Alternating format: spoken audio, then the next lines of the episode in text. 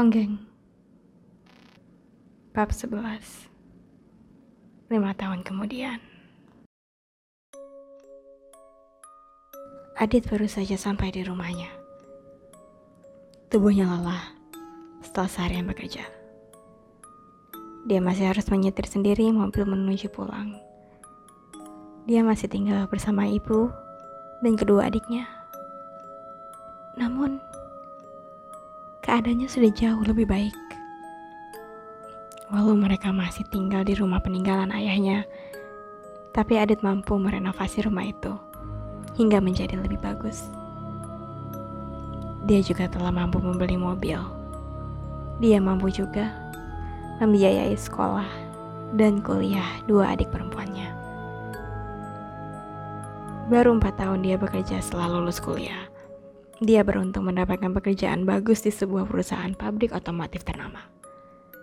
Adiknya, yang paling kecil datang membawakan teh manis dingin buatannya. Ini menjadi kebiasaan tiap kali dia baru sampai di rumah. Tadi siang ada telepon, Mas. Kata adiknya itu sambil meletakkan minum di depan Adit yang merebahkan tubuhnya di sofa. Dari siapa? Tanya Adit. Dia mengambil minuman buatan adiknya dan meminumnya beberapa teguk. Pak Rustam, dosen pembimbing Mas Adit saat kuliah dulu, katanya kalau Mas Adit pulang diminta telepon balik. Jawab adiknya. Kening Adit mengernyit. Sudah lama sekali dia tidak berhubungan dengan dosen pembimbingnya saat kuliah dulu itu. Jika kini beliau menelponnya, pasti karena ada sesuatu yang penting. Terima kasih infonya ya, Dek ucap Adit sambil tersenyum dan mengelus lembut kepala adiknya itu. Setelah beristirahat sejenak dan membasuh tubuh, barulah Adit menelpon mantan dosen pembimbingnya itu. Adit tersentak. Jantungnya mendadak berdetak lebih cepat. Tengkuknya terasa meremang. Setelah mendengar alasan mantan dosennya itu, memintanya menelpon. Bagaimana Dit? Bisa kan? Tanya mantan dosennya itu setelah selama beberapa detik tak ada jawaban dari Adit. Saya tanyakan ke teman-teman yang lain dulu boleh nggak pak? Adit berbalik tanya. Sebaiknya teman-teman kalian juga setuju. Ini penting demi nama baik kalian dan nama baik alma mater kampus kalian. Mereka cuma ingin berterima kasih pada kalian karena proyek yang dulu kalian gunakan untuk ujian akhir ternyata sangat bermanfaat bagi desa itu. Apalagi Bapak kenal baik dengan kepala desanya. Kepala desanya masih yang dulu, Pak? Iya? Masih Pak Marto Wijoyo? Warga desa masih menganggap Pak Marto yang paling pantas memimpin desa mereka. Istrinya juga masih sehat. Bu Dinar, istri Pak Kades memang baik sekali sih, sahut Adit dengan suara pelan. Dia tentu tidak lupa kebaikan Pak Kades dan Bu Kades desa Mangunsari itu. Andai saja tak ada kejadian mengenaskan itu. Dengan senang hati dia akan kembali ke desa itu dipenuhi rasa bangga. Namun, kejadian mengerikan itu membuatnya enggan kembali datang. Bahkan dulu ketika dia dan ketiga temannya datang lagi ke desa itu untuk memasang kincir angin yang telah selesai mereka rakit, dia sudah bertekad. Itu adalah Terakhir kalinya, dia menjejakkan kakinya lagi ke desa itu. Hampir lima tahun dia berusaha melupakan nama desa itu. Kini tiba-tiba, mantan dosennya memintanya dan ketika temannya datang kembali ke desa itu hanya untuk menerima penghargaan. Sungguh, dia tidak membutuhkan penghargaan itu. Namun Adit menghormati Pak Rustam, mantan dosen pembimbingnya itu. Baginya, Pak Rustam adalah dosen yang terbaik.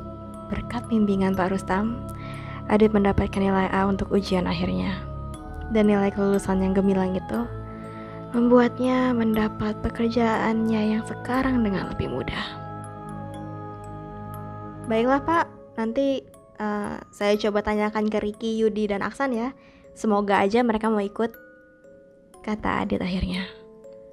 Harus mau, acaranya hari Sabtu nggak akan mengganggu kerja kalian kan kalian bisa berangkat Jumat malam setelah kalian pulang kerja sampai sana pagi dan malamnya atau minggunya kalian bisa balik lagi pulang ke Jakarta.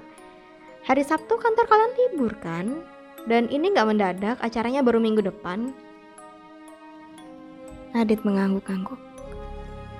Tapi kemudian buru-buru ia mengiyakan setelah sadar mantan dosen pembimbingnya itu tidak bisa melihat anggukannya. Adit merebahkan tubuhnya setelah hubungan telepon putus. Peristiwa lima tahun itu di desa Mangusari kembali lagi berkelabat dalam benaknya. Teringat lagi wajah-wajah ketika teman kuliahnya, Ricky, Yudi, dan Aksan. Mereka sudah lama sekali tidak saling berkomunikasi. Terakhir mereka bertemu di acara reuni angkatan mereka saat kuliah tiga tahun lalu. Kejadian lima tahun lalu di desa Mangunsari membuat mereka berempat tak ingin terlalu sering berhubungan. Mereka tak ingin tercetus tanpa sengaja membahas peristiwa itu. Hingga kini, tak ada yang mengaku apa yang terjadi malam itu. Tak ada yang ingin membahas jika memang bukan mereka yang melakukan kejahatan pada Sulastri di malam itu. Lantas, siapakah yang melakukannya? Ketika itu, pintu pondok terkunci dari dalam.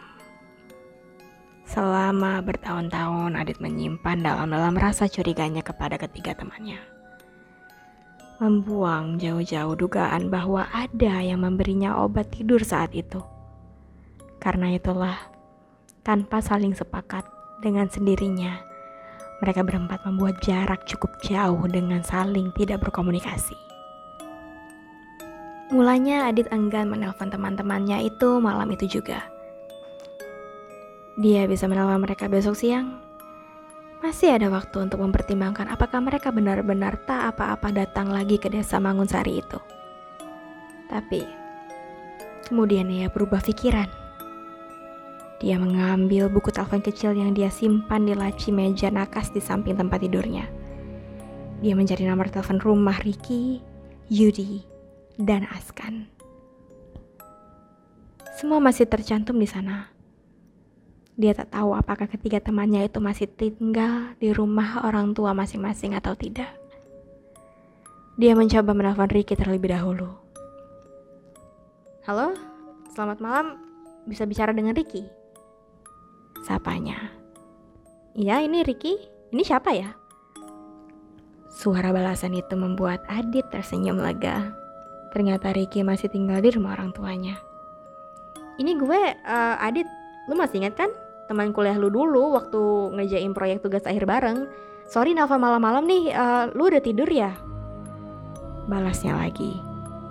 Oh Adit, pastilah gue masih ingat sama lo. Gue baru setengah jam nih sampai rumah, tumben lu nelfon gue. Gak ada kabar buruk kan? Balas Ricky. Enggak lah, kok lu langsung khawatir gue nelfon mau ngasih kabar buruk sih? Soalnya tumben aja lu telepon gua. Udah lama banget kan lu nggak telepon gua? Udah hmm, bertahun-tahun kayak kayaknya. Ada apa sih emang?